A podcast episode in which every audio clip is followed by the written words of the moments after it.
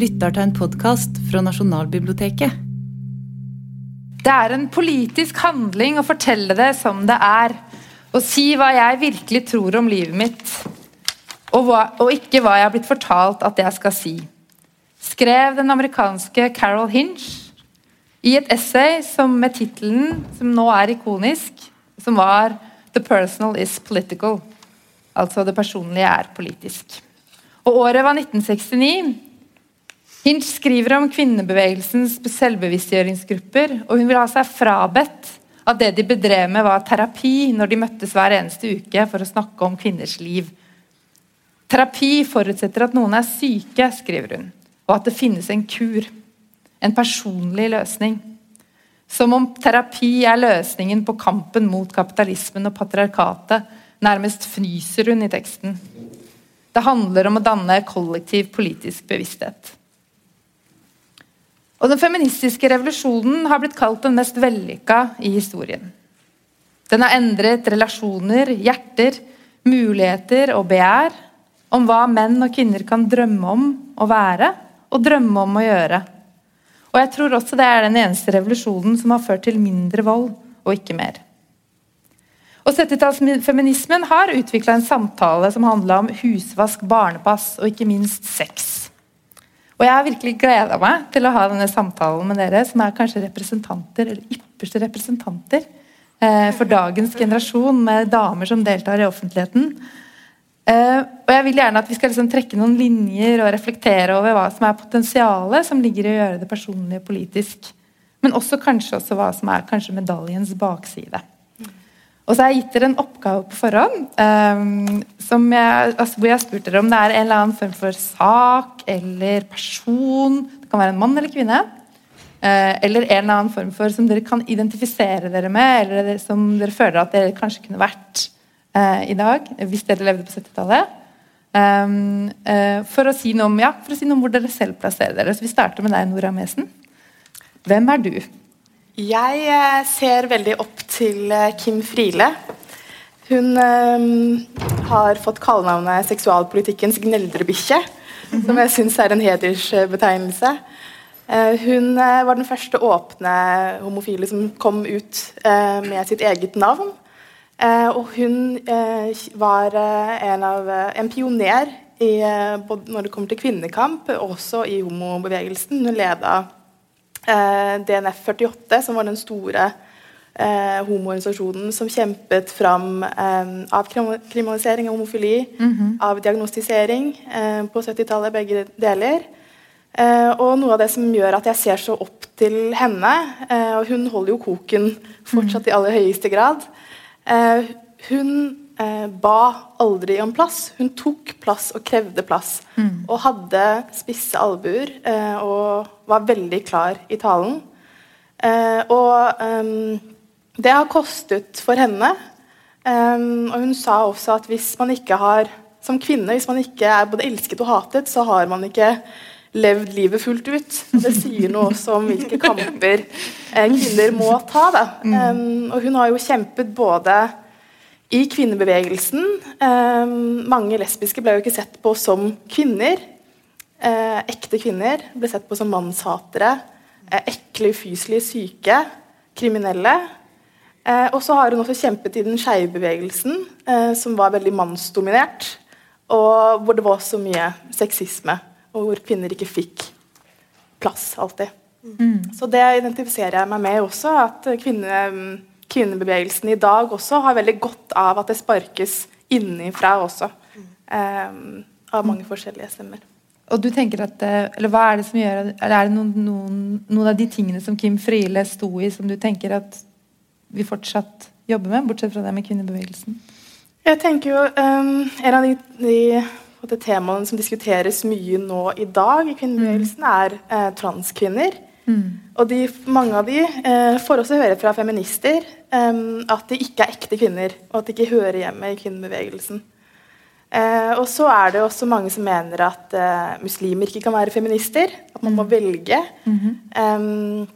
så jeg tenker at det er den måte, demokratiseringen man ser i feminismen, det mangfoldet av stemmer som har kommet mm. Eh, til, eh, de siste tiårene, og som utfordrer for innsiden, mm. eh, er veldig på sin plass.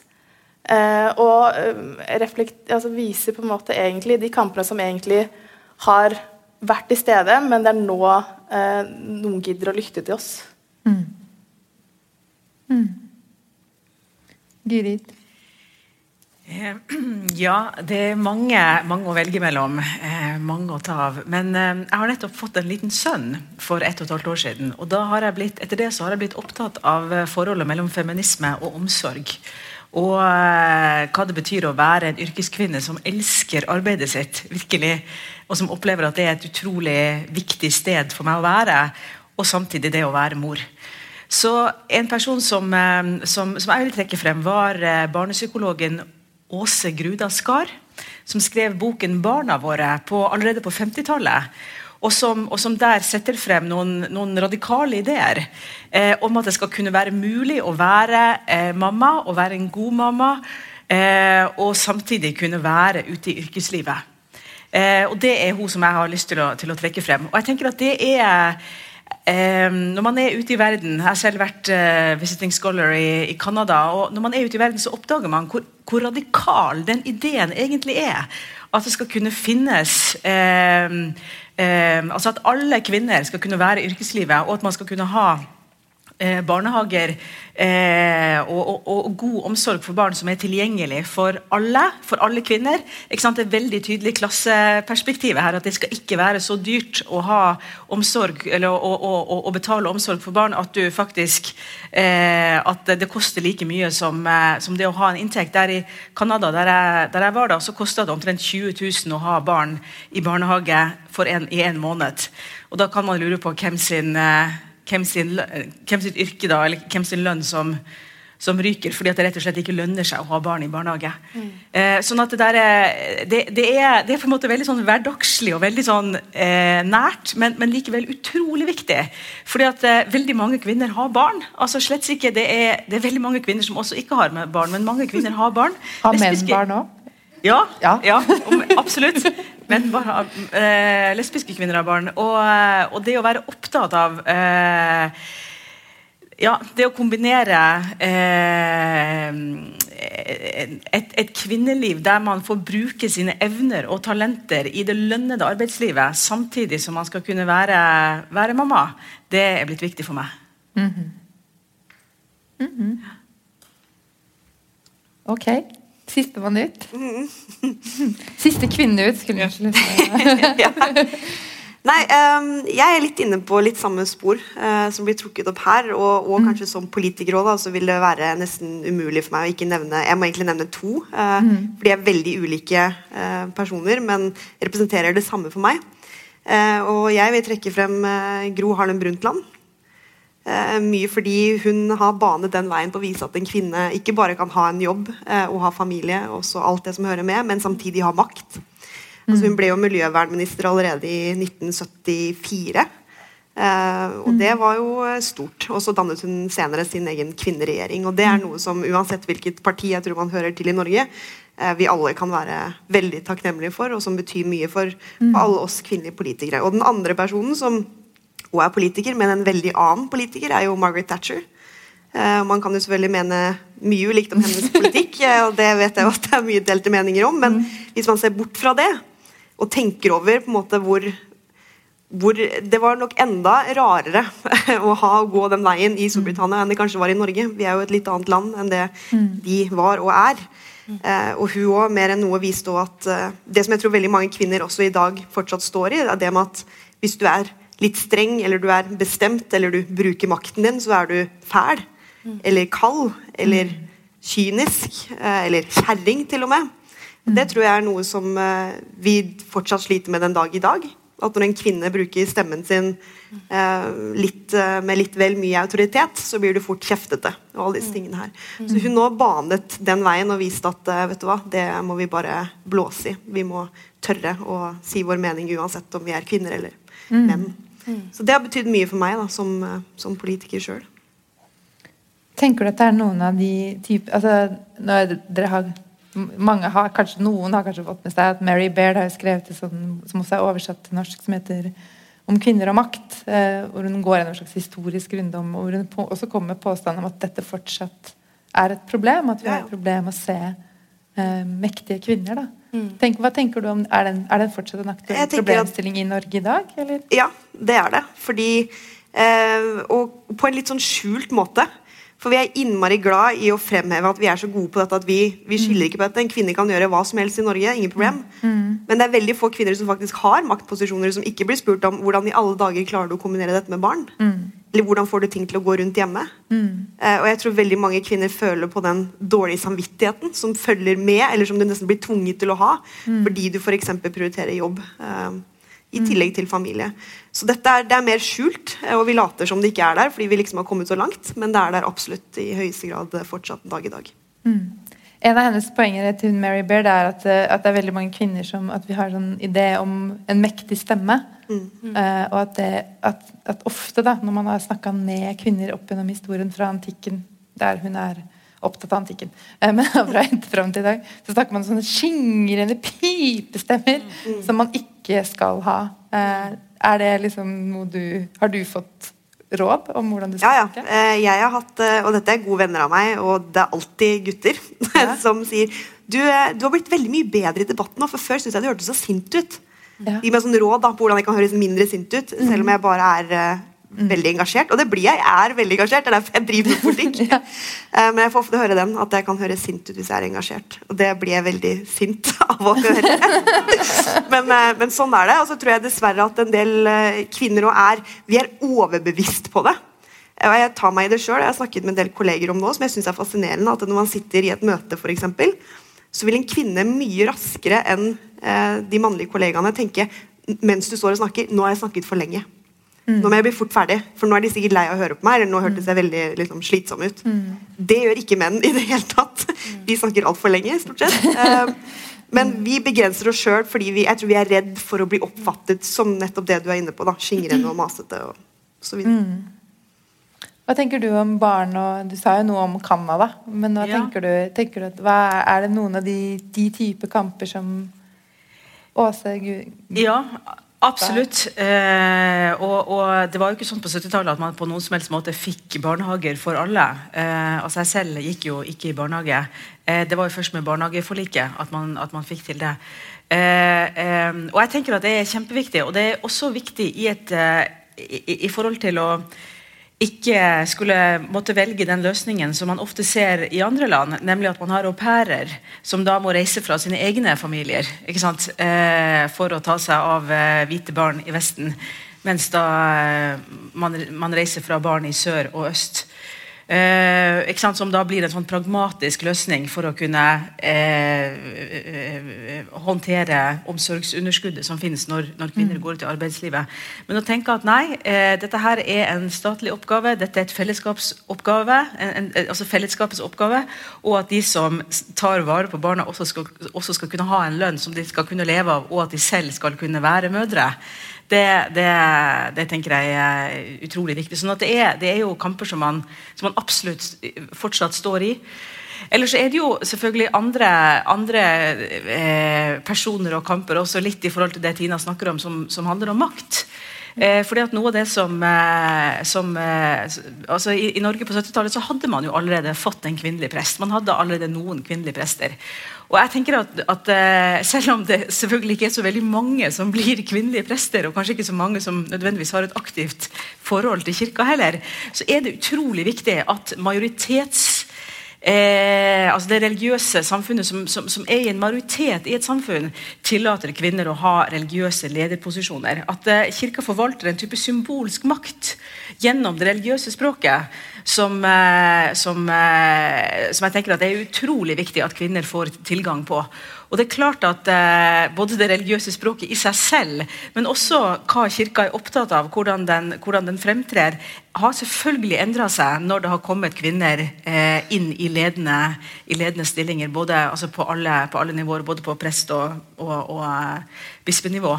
Eh, og, og, det er ikke minst også i forhold til at eh, jeg tenker at Noe av det som kan opprettholde denne forestillingen om at menn er lik makt, er jo at at, at, de religiøse forestillingene som majoriteten på en eller annen måte forholder seg til, bekrefter nettopp den linken. da, ikke sant? Ved at Gud alltid omtales som han, som herre, konge, fader. ikke sant? Da får du en type sånn symbolsk religiøs legitimering av, av, av et hierarki mellom jordiske kvinner og menn.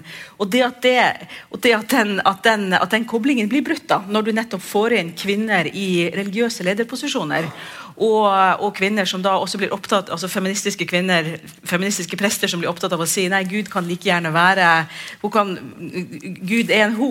Gud kan, kan, eh, kan, også omtales som kvinne. Gud kan være dronning. Gud kan ha ja. Så, så, så, så, tenker jeg at det gjør noe grunnleggende med, med, med diskursen rundt kjønn i et samfunn.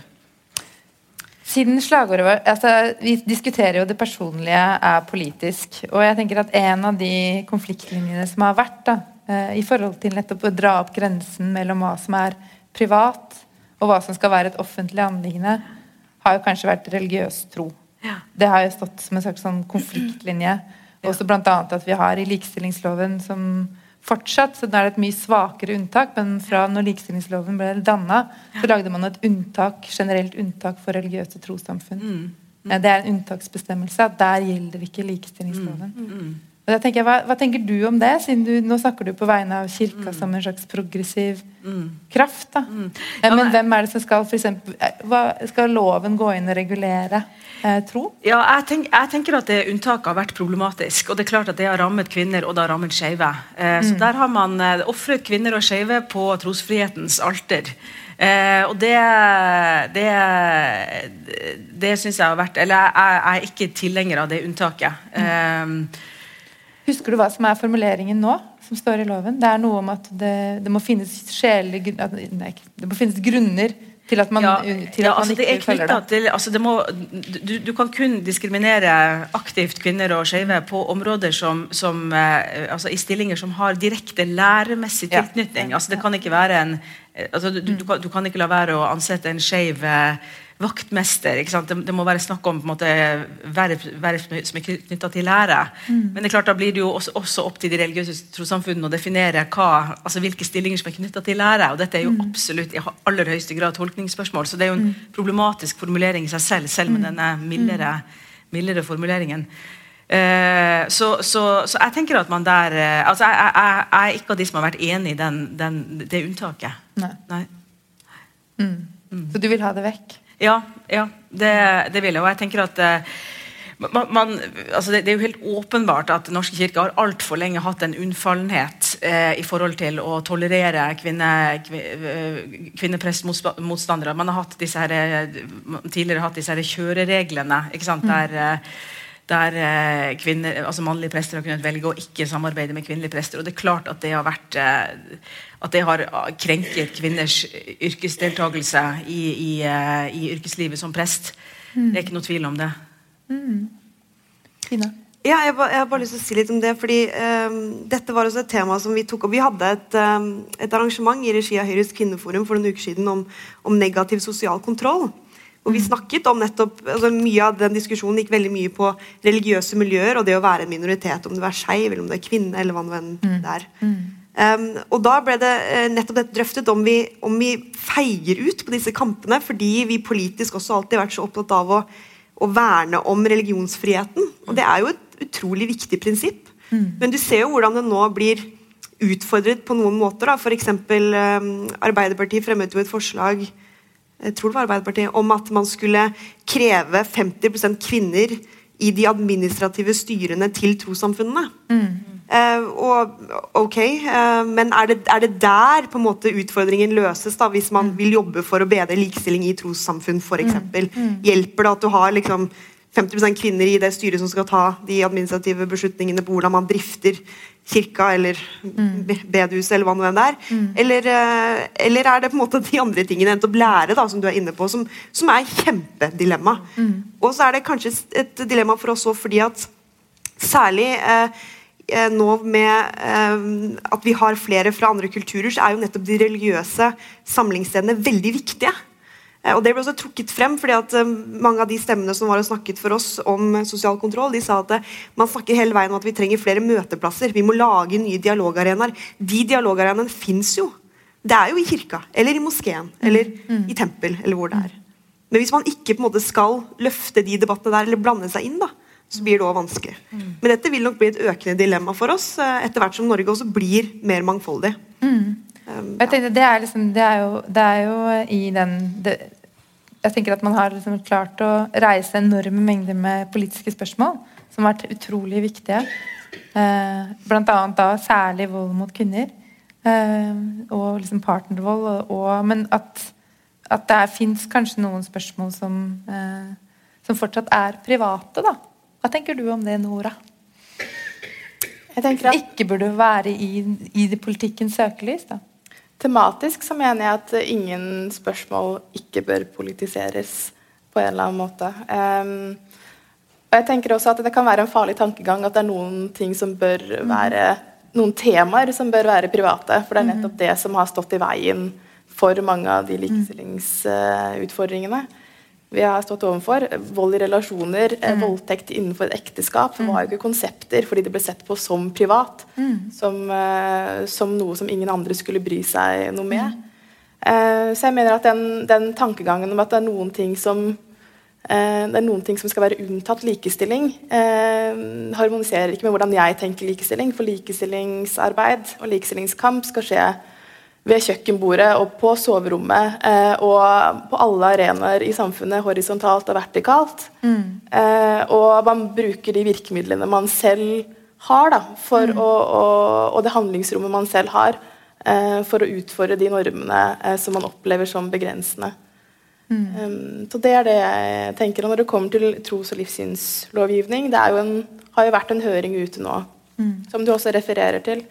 Eh, hvorvidt, hvor mye man skal regulere. Eh, hva man skal, skal man stimulere til likestilling, eller skal, man, eh, skal staten være mer aktiv eh, og f.eks. Eh, ja, regulere antall kvinner i et styre.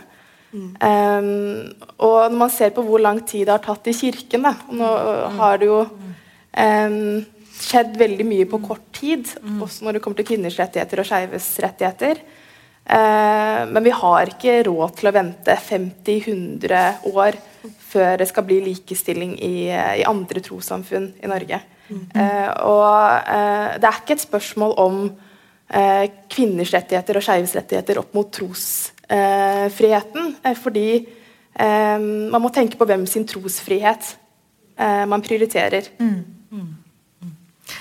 jeg, er nok også blitt uh, i større grad tilhenger av en sånn legaliseringsstrategi uh, for å skape likestilling i, i trossamfunn. Jeg tenker også det tar altfor lang tid hvis man tenker at dette skal skje av seg selv. Så jeg tenker nok at staten må, må at man i større grad må, må nettopp bruke lover da, for, å, for, å, for å skape den likestillingen. Og så tenker jeg at man, man, uh, man må også um, det, det er alltid utrolig viktig når man snakker om religiøse trossamfunn, at man, tenk, at, at man ser at, eller at man tenker at det er ikke statiske størrelser ikke der det ikke finnes konflikt og uenighet og, og forskjellige sider. da, ikke sant? Så det er på en måte noe med å også støtte opp under de liberale kreftene som finnes, ikke sant? I, eh, og som vil finnes i ethvert trossamfunn. Ikke sant? Det, det er med jeg tenker ofte at eh, altså Det er utrolig viktig å tenke om religion som ethvert annet menneskelig fenomen. Altså Det som på en måte ikke er noe eh, sært og merkelig, og, og, og der folk på en måte har helt andre agendaer og oppfører seg helt annerledes enn det de gjør på alle andre områder i livet. Eh, så så eh, eh, så, så, det, så, det å tenke at, at man liksom både, må, både må tenke legalisering, men også må tenke å støtte opp under de liberale kreftene, det tror jeg, det tror jeg er kjempeviktig. Eh, som, og så tenker jeg også som Nora sier at eh, jeg også prinsipielt sett mener at alle ting hører hjemme i det offentlige rom. Det kan ikke være noen ting som, som på en måte skal være unntatt og bli, eh, og bli eh, eh, og, og, og, og bli fortalt om. For det er nettopp sånn man har, man har eh, skapt frigjøring. Da, ved at man har ved at man har på en måte satt spørsmålstegn ved hvem som har definisjonsmakt på, å, på hva dette skal hete for noe. ikke sant? Og jeg tenker Voldtekt i ekteskap, ekteskap er jo et veldig godt eksempel på det. ikke sant? Det handler ikke bare om, om, om, om, eh, om et eh, ubehag man, man har selv, men dette kan, dette kan faktisk kalles en voldtekt. Selv om man er gift. Um, men, men, men jeg tenker at, at, at, at med å med den, det standpunktet så kommer det også noen dilemmaer eh, og, noen, og noen utfordringer.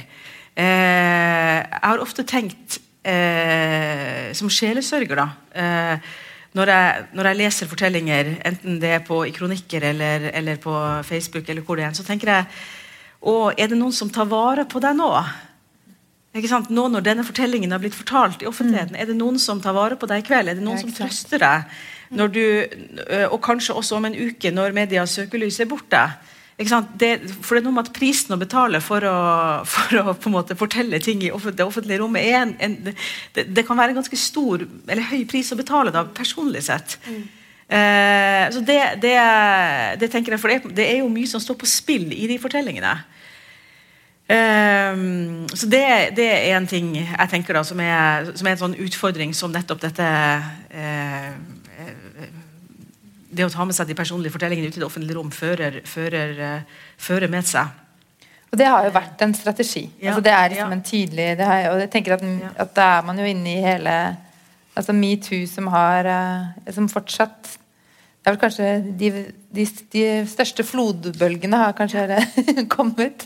Men det er allikevel liksom et spørsmål Der er det jo tall, tusenvis av folk som har delt ulike private fortellinger. og jeg tenker at Det er jo en, en annen side ved at det kanskje er i dag med, våre, med, med, sosiale medier så er det utrolig mye lettere å dele personlige historier. Men så får man også kanskje den risikoen som du peker på. Da, at den personlige historien din ligger og svever der ute. Ja, ja. Din, de ligger og svever der ute et sted uten at noen egentlig griper den. da og For å vende tilbake til Carol eh, Hanish, som jo skrev 'Det personlige politiske', de møttes jo i grupper. Mm. Eh, de, var, de, var, jo en gjeng mm. som snakka sammen. Og det som ble snakka om der, ble også snakka Da fikk man, evne, da fikk man høre litt motstand. Og så tenke ja, kanskje jeg skal tenke sånn. Kanskje sånn jeg skal forstå det. Og at kanskje noe av det den motstanden du får nå på internett, er kanskje ikke den koseligste av det koseligste mm. slaget alltid.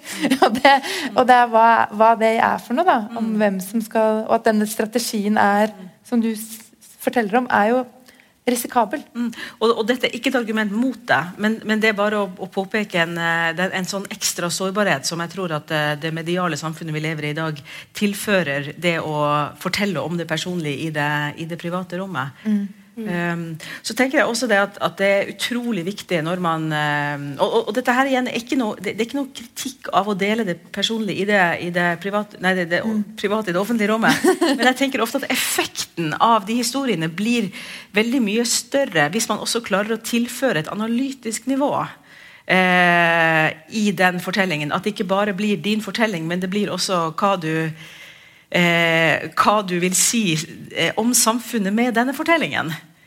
Eh, og Det er jo ikke et argument for å prøve å måte, begrense eller å altså, måte, gjøre terskelen større, eller sette mm. terskelen større for å, for å delta. Men, men, men, men, det er noe med ja, og, og, eh, At gjennomslagskraften da, blir, blir, nettopp større hvis man gjør en sånn oversettelse fra det private til eh, Ok, men, men, hvilke krav og hvilke kamper eh, stiller jeg på bakgrunn av denne fortellingen? Ja, så er det kanskje også et eller altså, For å si noe videre forhold altså, det er noen, det er noen uh, det, er noen, det er en risiko som bare handler om som den personlige risikoen, men det er også en, uh, en risiko som jeg tror alle um, eller mange som forteller om vanskelige ting, kan, det er jo at man også får et slags offerstempel. da. Mm, mm. Og da er det det eneste man får lov til å være. Mm, Eh, det er identiteten din. Eh, det er liksom, og det er det som Og det snakker jo også noen av de som har delt fortellinger om at når de googler navnet sitt nå, så er det eneste de Det er seksuell trakassering som står og lyser ut av navnet ditt. Og på ethvert jobbintervju du skal på, på så er det det som kommer til å festes ved deg. Da. Eh, og som er en sånn Og da er jeg tenker at det er noen hvem som, og hvem som må være det offeret. Uh, jo, jeg tenker at eh, Dere i Høyre har jo hatt noen erfaringer. ja, Det har jo hele det politiske Norge mm, snart hatt. Absolutt. Men, uh, men, jeg tror ja, Det er to litt forskjellige ting, da, men, men, særlig til det siste du sier, så tror jeg jo nettopp det, Dette er jo grunnen til at det i det politiske Norge da, har vært så utrolig viktig for de som har turt å varsle fra, mm. at de får lov å beholde sin anonymitet. Mm. Noen av de som har varsla, jeg kjenner ikke til noen av de. Jeg er bare sånn det er sagt, måte. jeg er helt på utsiden av det hele. Men, men, jeg vet at flere av de er aktive i politikken. Mm. Kanskje er de jo kjente navn i politikken. De trenger ikke være det, men de kan være det. Um, og hvis det er som du sier da, hvis de hadde blitt kjent som varslere, så ville de for alltid vært det offeret eller forbundet med det. Og kanskje ville det også sporet av hele muligheten til å bli en politiker selvstendig på egne ben, kjent for helt andre historier. Uh, så det er jo i, i, sånne type saker som dette, særlig i politikken som er så veldig i offentlighetens søkelys, så er det helt avgjørende, mener jeg, å kunne beholde og være trygg på uh, å ha anonymitet. Og Det er mange ting man kunne snakket om i dette, men bare en liten digresjon. Derfor har jeg også vært veldig bekymret for måten pressen har håndtert noe av dette på. Og det at det har blitt påstått av noen av de som har varslet, at de har fått sin anonymitet blåst mm. av journalister mm. til andre i partiet de, de har varslet uh, i. Mm. Det er uh, veldig etisk problematisk og kan mm. ødelegge for alle fremtidige muligheter til å, til å kunne ta sånt på alvor. Mm. Men det jeg tenker som er den store styrken også da i metoo-kampanjen, er jo at det ligger en veldig styrke i å være flere. Når det blir mange nok, så blir jo terskelen for å være én av mm. varslerne eller ofrene eller de som forteller dem det private i det offentlige, lavere. Fordi du er en av veldig mange. Eh, og jeg tror det er der noe av effekten i det også ligger. Man snakker om at eh, det personlige blir politisk.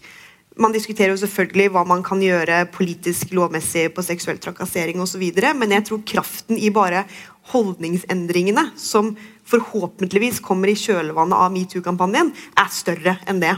Det er veldig enkelt å vedta noe ved lov. Det er mye vanskeligere å endre holdningen i samfunnet. Mm. Og jeg har snakket med Dette er sånn svogerforskning, for å si det sånn. Da, men når jeg snakker med mine venninner, da, mm. så har jeg blant annet en venninne som sa at hun hadde um, en sjef på jobben som alltid var, liksom, skulle være så ufin og sånn grov og fortelle sånne skitne vitser i lunsjen. Og sånn. Og alle satt og lo av dette, inkludert andre damer på arbeidsplassen. Eh, og når hun prøvde å si ifra, eh, så ble hun liksom uglesett for å være prippen og sånn blant sine kvinnelige kolleger. Det må du tåle, og bla, bla, bla. Alt det der tror jeg har forandra seg masse nå med denne kampanjen. Fordi folk får opp øynene på en helt annen måte for at dette er systematisk. Dette er ikke bare han ene litt ekle fyren, dette skjer overalt. Så at de historiene kommer frem, mm. tror jeg kan gjøre mye mer for holdningsendringene og kanskje bedre disse tingene i samfunnet, mm. enn om vi nødvendigvis hadde kanskje vedtatt en lov, selv om vi kan gjøre det òg. Men, mm. men, det løser ikke alt, da. Mm. Jeg tror du er inne på noe veldig viktig der i forhold til at, at, om forholdet mellom det å stå alene eller det å mm. være mange flere. Mm. Uh, og det tenker jeg kanskje at lurer jeg litt på er Eh, hvordan blir vi flere nå? Altså, er det gjennom internett man blir, føler den støtten, eller eh, hva, hva tenker dere? Så jeg er jo vokst opp um, med å se på TV og se på politikere um, Se på folk som har deltatt i samfunnsdebatten, som mm. jeg ikke kan se meg selv uh, kjenne meg selv igjen i, som ikke ser ut som meg. Og mm. der har det skjedd veldig mye mm. uh, bare de siste årene. Det har kommet en bølge inn med med kvinner ehm, og eh, menn også, ehm, som jeg kan relatere meg til mm. på mange nivåer. Eh, og Før så var det mer en enkeltkvinne her og der. Det var, en, det var Shabana, det var mm. Amal, eh, det var Kadra. Mm. Men nå, så, selv om man uttaler seg som en enkeltperson nå, som jeg også gjør når jeg deltar i samfunnsdebatten, så er vi flere kvinner som står sammen, og vi har dannet et, et uformelt nettverk hvor vi støtter hverandre. Og jeg vet at når jeg eh, Hver gang jeg deltar i samfunnsdebatten, så mm. betyr det eh, at jeg får rasisme og islamofobi og sexisme. Um, og det er jo på en måte Ja, det er hver, hver gang. Um, og det er jo på en måte Det bekrefter jo hvorfor det er nødt Hvorfor folk som meg eh, er nødt til å delta i samfunnsdebatten. Fordi de problemene som er usynlige, Um, man ser ikke problemene før noen faktisk mm. uh, Det treffer ens egen kropp, da, ofte. Mm. Uh, men ofte så opplever jeg jo også at uh, journalister er på en måte på jakt etter et sånt lidelsesnarrativ. Mm. Og de vil vite liksom, Har du blitt utsatt for sosial kontroll, tvangsekteskap um, hva, hets og drapstrusler og sånn. De, liksom, de, vil ha de juicy greiene, og det er ikke mm. juicy Eh, at eh, faren min ikke, altså, ikke, tenkte noe på at jeg var lesbisk, at det var null problem. Det er ikke en overskrift. Um, så jeg opplever ofte at man blir en sånn bestillingsvare, at det jaktes etter ofte at jeg skal fortelle om um, vanskeligheter som jeg har opplevd fra andre brune folk. Da.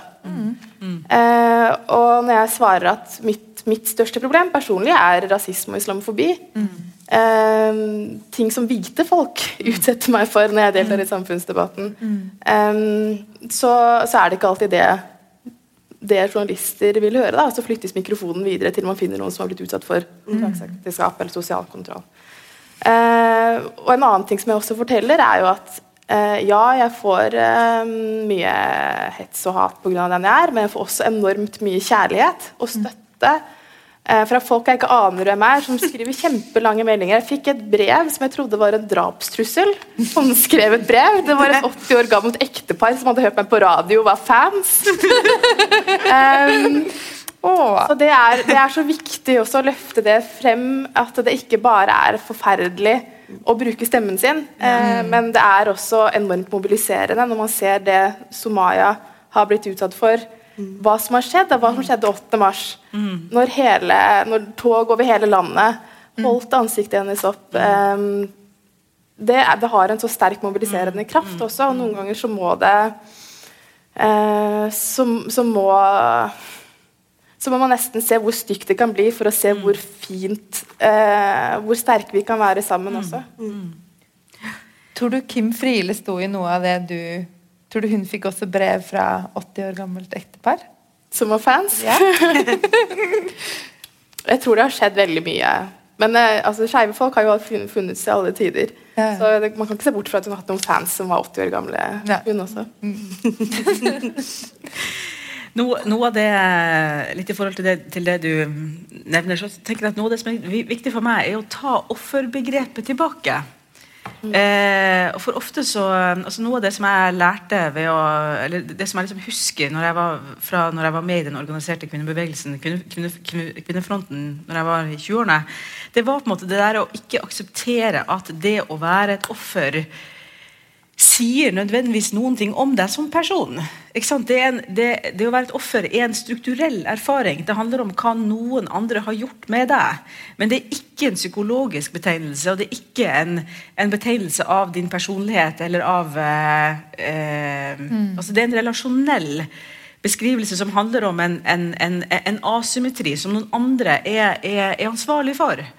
Eh, og det er klart at Jeg ser absolutt det, sant, det dilemmaet med at man identifiseres med den fortellingen når man, når man har fått eh, teknologi som Google og sånt også. Men, men, men, men, eh, men det er på en måte noe med å, å eh, at jeg tenker Vi også trenger å skape en kultur da, i, i, eh, blant kvinner på å kunne si at ja, vi er, vi er stolte ofre. Ikke sant? Altså det, og, og det sier ingenting om meg som person. Eh, det var noe som noen andre gjorde, gjorde mot meg. Det tror, jeg, det, det tror jeg er viktig. Og jeg tror at da blir det også lettere eh, å være flere, da. På en måte er det jo litt det som har skjedd, litt sånn ordløst med, med, med metoo-kampanjen. At det er fordi det er så mange som forteller om de fortellingene, så, så kan man på en måte stå i det, stå i det sammen. For det blir ikke en, sånn, det blir ikke en enkeltfortelling som blir stigmatiserende individuelt da, for, for, for deg selv. Eh, noe av det som, som, som jeg har eksperimentert med i det siste, er eh, er en performance som jeg har laget, som heter eh, Herre, du har skapt meg, livet mitt jeg gir, jeg gir deg, ta meg, metoo. Eh, som er en, eh, en, en salme som står i salmeboka, og, altså bortsett fra det siste, da. Som, også, som vi også sang i TenSing, og som, som jo er, man absolutt kan synge eh, altså Man kan oppleve at man synger i kirka i dag. Eh, der, eh, og I denne performancen så forteller jeg om et, eh, om et voldtektsforsøk. Men jeg gjør det ikledd prestekjolen. Altså, jeg gjør det ikledd et, et maktsymbol, og et symbol som man er vant til å se på mannskroppen. Eh, og jeg tenker at Da skjer det en interessant destabilisering av fortelling og posisjon. Eh, og, at, eh, og, jeg tror at eh, kraften i å fortelle den fortellingen er mye større når det nettopp eh, ikke på en måte da er en eller, altså, det, det, det ville nok vært en eh, sterk fortelling uansett, men, men jeg tenker at den blir ekstra eh, kraftfull da, fordi at man insisterer på å fortelle den fortellingen fra en litt sånn nøytral, allmenn maktposisjon. Eh, og at, da, og at da, da, skjer det også noen ting med hvilke erfaringer, hvilke fortellinger som blir allmenne eh, Ja, og på en måte udiskutabelt off offentlige. Mm. Ja. Altså, det tror, altså, offerbegrepet tror jeg er um, uh, kanskje noe av det som Og det, til og med det var også det i, i denne teksten av Carol Hanish som hun nekta å være. Da. Altså, det, det, er jo ikke det vi var. Altså, det er liksom altså, det er, at, Men at det kommer med eh, når, Hvis du skal fortelle noe om en opplevelse av undertrykkelse, mm. så, du, så, ligger den rollen og luker i liksom, buskene. Og du snakker jo om når, når buskene tar over. Altså når, når, et, når, offerrollen er det de ønsker at du skal representere. Mm. Eh, og da er det jo, tenker jeg, det, er ikke Jeg er helt for, kanskje, mm. kan jeg si, at jeg liksom heier på at man skal kunne være et stolt offer. Men hvis ikke du eier fortellingen om deg selv, da, mm. som jo skjer med en god del, eh, som også da, du forteller om, at man har et man har et bestemt bilde av deg. Mm. Og det vil også si at kanskje at offerrollen tar fra deg noe. da. Mm. Mm. Ellers så hadde man jo ikke ønska å putte deg i den rollen. Mm. Um, og, og, tenker jeg, men, men, altså, men, tror du at noen gang dette med anonymitet uh, For jeg, tenker, jeg, tror at det er et um, For hvis, ikke, hvis, man skal få reist politiske spørsmål, så må også noen fortelle om dem. Mm. det, det sånn er det. Uh, så er man da feig hvis man er anonym? Tenker du på sånn f.eks. Ja. i politikken nå? Mm. Nei, overhodet ikke. Mm. Fordi at eh, det, det først og fremst Altså, historiene har kommet ut allikevel. Mm. Om at dette har vært en utfordring med mm. visse mm. mennesker. Mm. Som ikke har vært anonyme, for å si det sånn. De har jo fått navnene sine kjent. Eh, hvem det gjaldt, og det har fått konsekvenser for de òg, for å si det sånn. Men nei, det er ikke feigt å være anonym. Jeg mener, hvis du, hvis du skal få lov å eie din historie, da, så må det også få lov å være ditt valg å gjøre det som er rett, som er å sette ned foten og si dette er ikke akseptabel oppførsel. Mm. Du skal slippe å bli rammet av det for alltid etterpå. Mm. Eh, og du, det kan jo potensielt eh, få konsekvenser for deg eh, si du søker makt i politikken. Da. Si du vil opp og frem.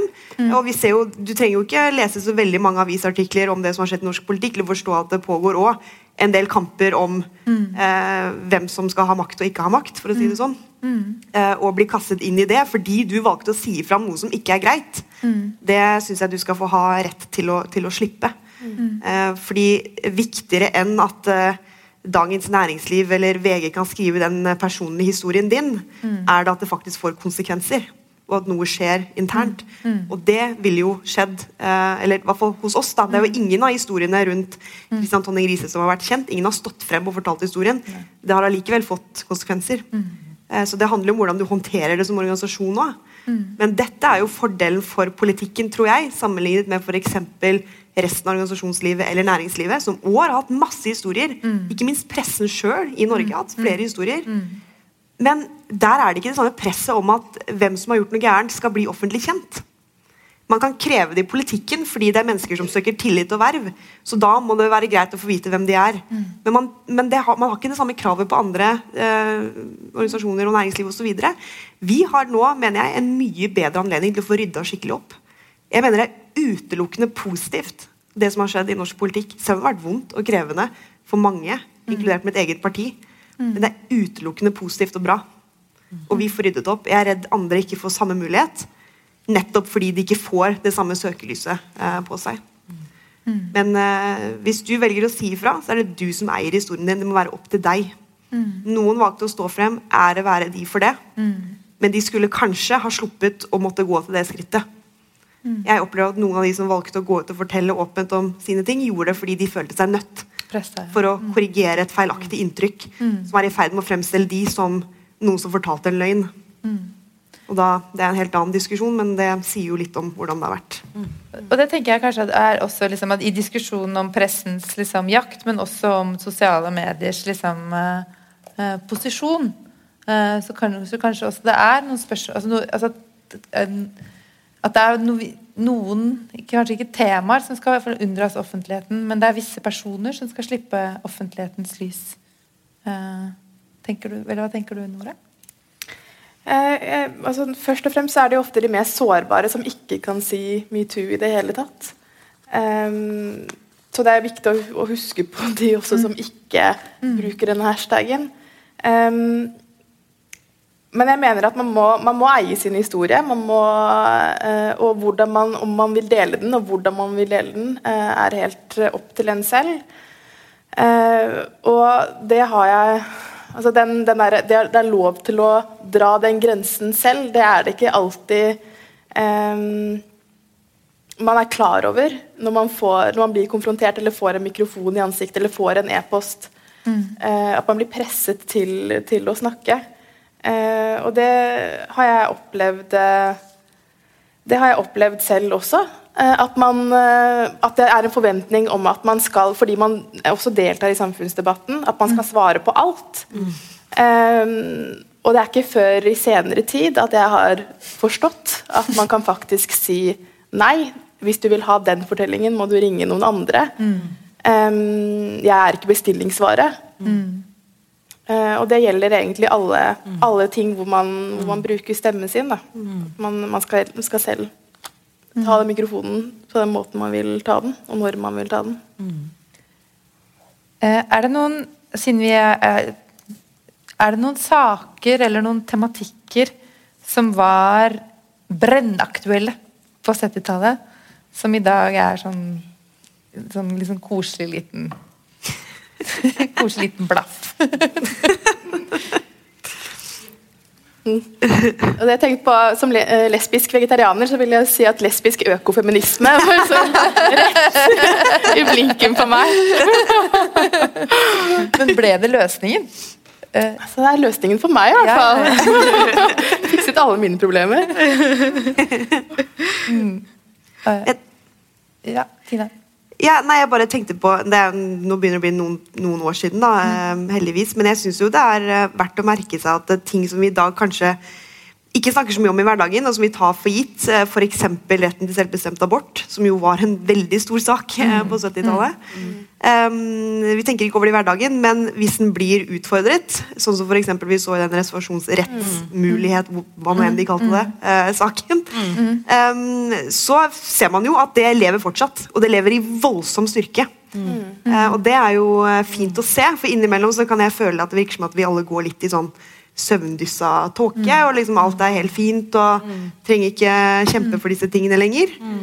Men uh, når det trengs, så ser vi at vi er der allikevel. Og det, det gjør meg glad, i hvert fall. Mm.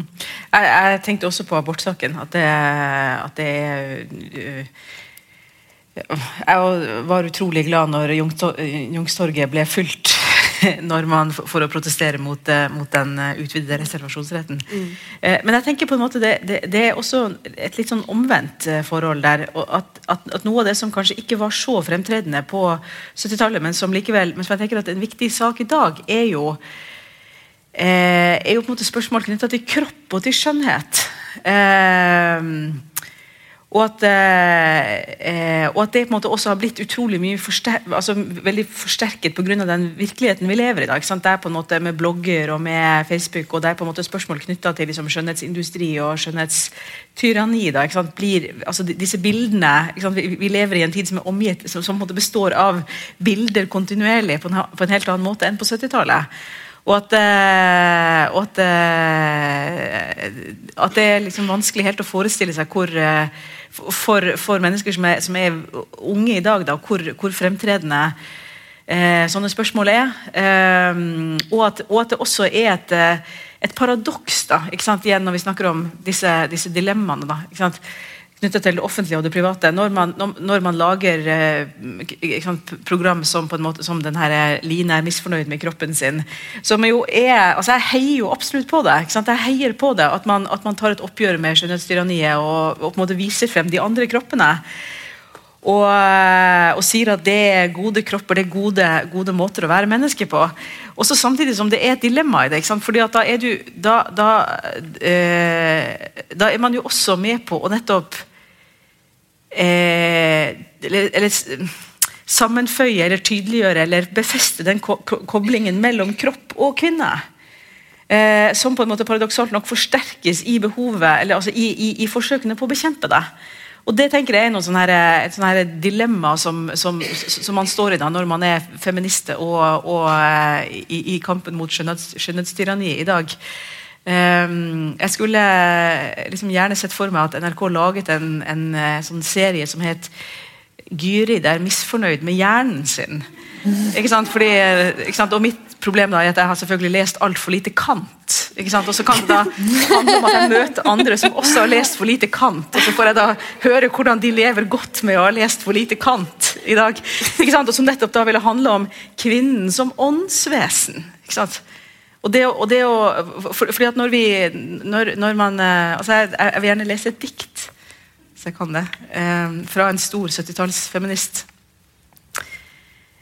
Når vi ropte for å bli hørt, hørte alle at vi var slike som ble overhørt. Når vi reiste oss for å bli sett, så alle at vi var slike som ble oversett.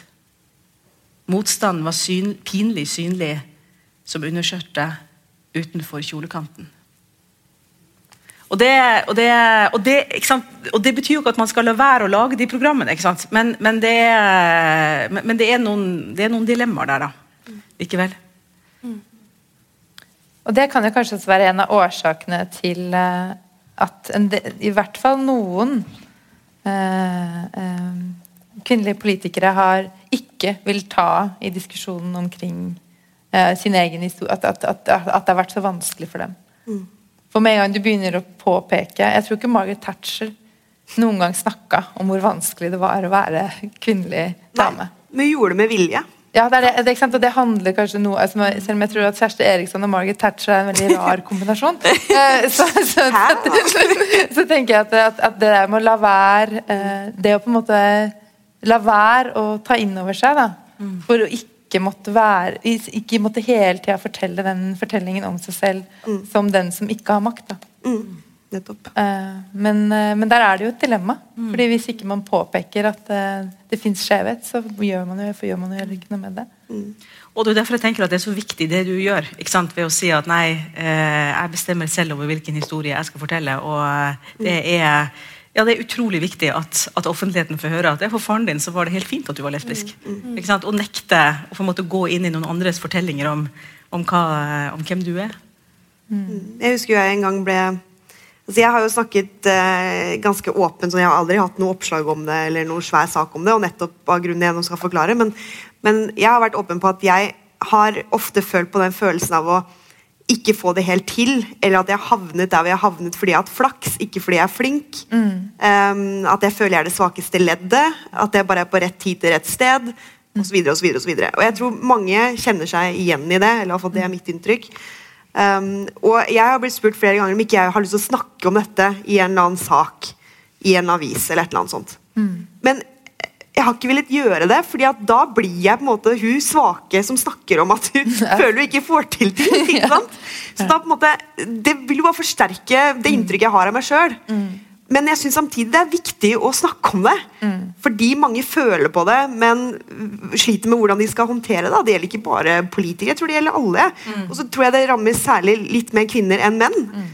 og jeg hater å bruke det begrepet, men det der flink pike-greia. Mm. Men det er jo ingenting man heller vil ha enn dette flink pike-oppslaget. Altså, mm. Det vil jo enhver journalist elske å mm. kunne skrive om, og de vil alltid spørre deg hvordan syns du det er. Er du veldig opptatt av å være flink? Bla, bla, bla. Mm. Men du vil jo ikke egentlig eie den rollen, mm.